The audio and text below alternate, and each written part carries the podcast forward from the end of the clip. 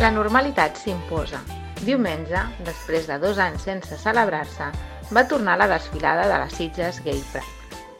Un esdeveniment més que consolidat al municipi, que trau, com vam poder veure, una gran afluència de públic, música, concerts i altres activitats també paral·leles. Res a dir, més que han estat dies, sobretot diumenge, on ha imparat l'alegria, les ganes de festa, però també la reivindicació. Com a espectadora de la desfilada, no vaig poder-me estar de comparar-la amb el Carnaval. Gent, carrosses, músic, música, beguda...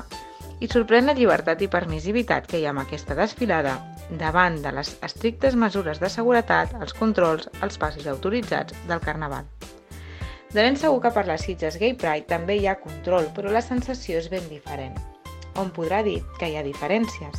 No hi ha tantes carrosses, és evident, o el nombre de participants és més reduït, o fins i tot l'hora quan se celebra. Ara bé, jo no vaig veure tantes diferències. Hi havia carrosses moltes plenes de gent, la majoria amb gots a la mà, i passant per un passeig ple de gent també, similar a un diumenge de carnaval.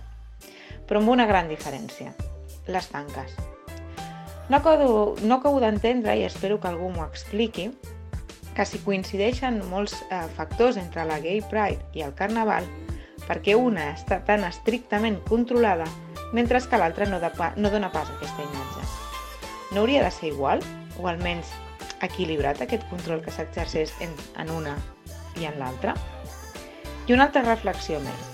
Si per normativa municipal no es pot anar amb banyador o sense samarreta pel carrer, perquè no vam deixar de veure aquesta estampa una i altra vegada durant aquests dies de la Gay Pride. Ràdio Maricel, 107.8 FM.